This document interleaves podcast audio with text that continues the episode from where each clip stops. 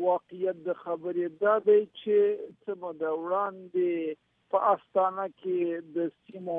د مربوطو هیوادو ترمنځ د سوریې په وضع باندې او په سیمه باندې بحث پای ته ورسېده الته روسیې حکومت او حاکمیت پیشنهاد وکړ چې په دمشق کې د داسې امنیتي زونونه جوړ شي چې د هغه زونونو په چوکاټ کې په هغه مناطقو باندې پروازونه صورت ونه نیسي عملی نظام عملی عملیات نظامی عملیات و نشي او پرون د پوتین د خلینه چې د امریکای د جمهور رئیس سره په ټلیفوني خبرې کړې هغه دا نظر تایید کړی دی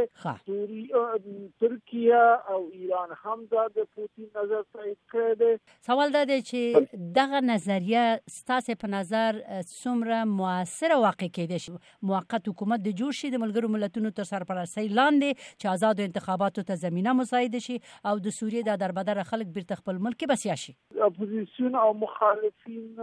د بشار اسد حکومت په بعضی د ناستو کې اشتراک نه دی کړی مطمئنا کړکیچونه به زیاتی هغه برنامه چې امریکا د سوریې د پاره لرله کامیاب نشوه په واقعیت کې روسیا او ایران په سوریه کې برلاسي دي ډیر منافع او مصالح سره ګډ او خلدي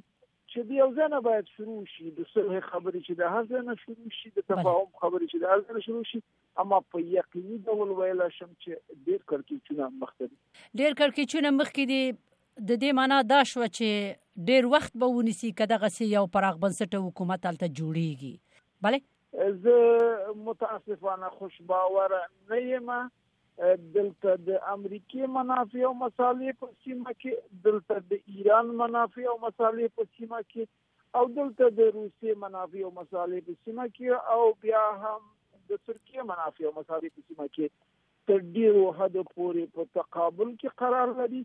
او د خلکو مصالح او د اپوزیسیون مصالح د سوریه په تقابل کې یو د بل سره خلاري په دې خاطر باندې زه په دې باور یم چې دا به زمانګیری. ډاکټر صاحب صلاح الدین سعیدی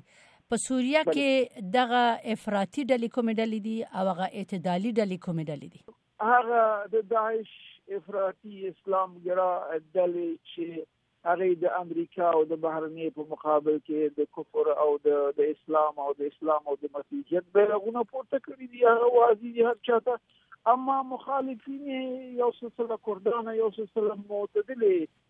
سوریایي ډلې دي چې هغه د بهرنیو د امریکایانو او د نورو متحدینو په کومک باندې تسلیق کیږي او په عمل کې دومره قوي نه دي او اکثره یې په غرب کې اوسېدلي دي او اوس راغلي دي او په داخل کې دومره امکانات وسیع نه دي په هغه شکل باندې چې هغه اسلامي ډلې لري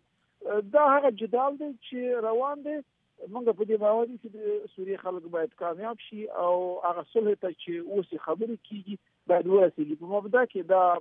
طرح انساني طرح ده اما دا چې څومره په دې کې به صداقت شي چې صداقت باندې ایمان نه لرم بیا به هم بل موضوع تاسو د امریکای خبره وکړه چې د امریکای سیاست او پالیسی درته موافقه نه ونه ځکه روسیا او ایران ترکیه دوی رامخ کې شوی د دوی اقدامات نسبتا موثر ګڼل کیږي تاسو د پوتین دغه پیشنهاد هم تایید کړ البته د د تروریزم مشکل موجود دی دغه ټول مسایل ته چې وګوري تاسو ویل امریکا کامیاب نه ده او د ایران د روسیې پالیسی کامیاب ده زما سوال دا و چې څنګه کېدای شي امریکا خپل دغه ناکامي چې د دنیا په فکر ده دغه کامیابی خواته واړي تاسو به تر پیږي چې په داسې غټو سیاستو کې دغه واپس دوران یا د بیرته را اړول د وسیع او همه جانبه اقداماتو او زمان ته ضرورت لري په دې باندې په دې عواملو باندې چې څه عوامل د دې ناکامۍ سبب شو یا په عملا کې د ناکامۍ سبب شو دا په انفرادي شکل باندې یو یو د بحث لاندې راوستل پکار دي او د هغه عوامل پر بنیاد باندې تدابیر نیول پکار دي تاسو ته د ښکاری چې جمهور رئیس ترامپ به دغه کار وکړي وبکړی شي تصور چې د جناب ترامپ په مورد کې په یو سلسله غیر منتظره اظهاراتو کې کینه داره په کار و چې ګویا دا به یو سلسله داسې اقدامات وکړي چې هغه به امریکې ته ګویا ضرر ورسوي په عمل کې موږ ولیدل چې د ساوت ایشیا په ارتباط باندې او یو سلسله نور سیاستو کې هغه شی چې عمل کوو هغه ډیر مدبرانه ده نسبت د هغه چې فکر کېده ښه بله خوشبختانه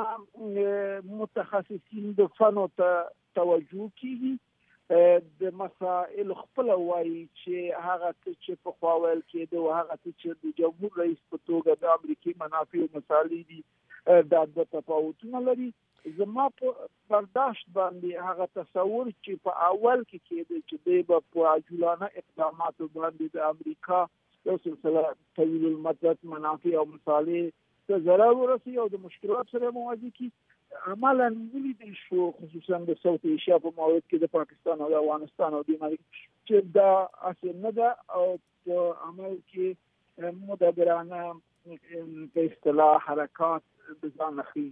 چې یعنی مقصد مو دا دی او بخی مقصد مو دا دی چې جمهور رئیس کولای شي هغه ناکامي چې په دې دریو ملکونو کې تاسو ویل امریکا ناکامه ده په خپل پالیسي او سیاست کې خپل دریس کې دغه بیرته کامیابی خواته واړوي دغه دریس زما سوال دا یعنی د دې سوال جواب به زمان وایي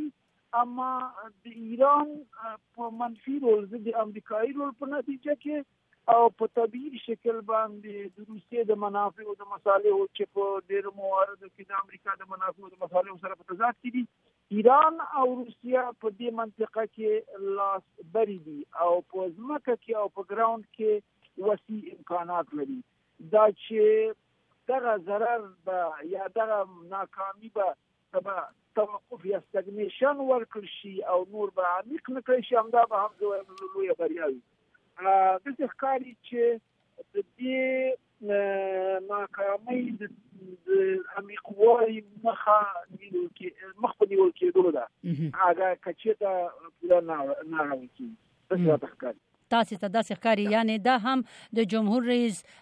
ترامپ د اقداماتو نه او د دغه سو اقداماتو نه چې د منطقه کې کړی دی هغه نه تاسو داسې پیش بینی کوي چې کېدای شي د دې مخه ونیول شي ک یعنی تر دې حد تر دې حد ونیول شي چې دغه موقف چې دغه اوس ده د دې نه پسې بدتر نشي بلکې هم دغه ته سټاپ شي یعنی کدغه هم وتوانیږي چې علائم شته دي چې توانیږي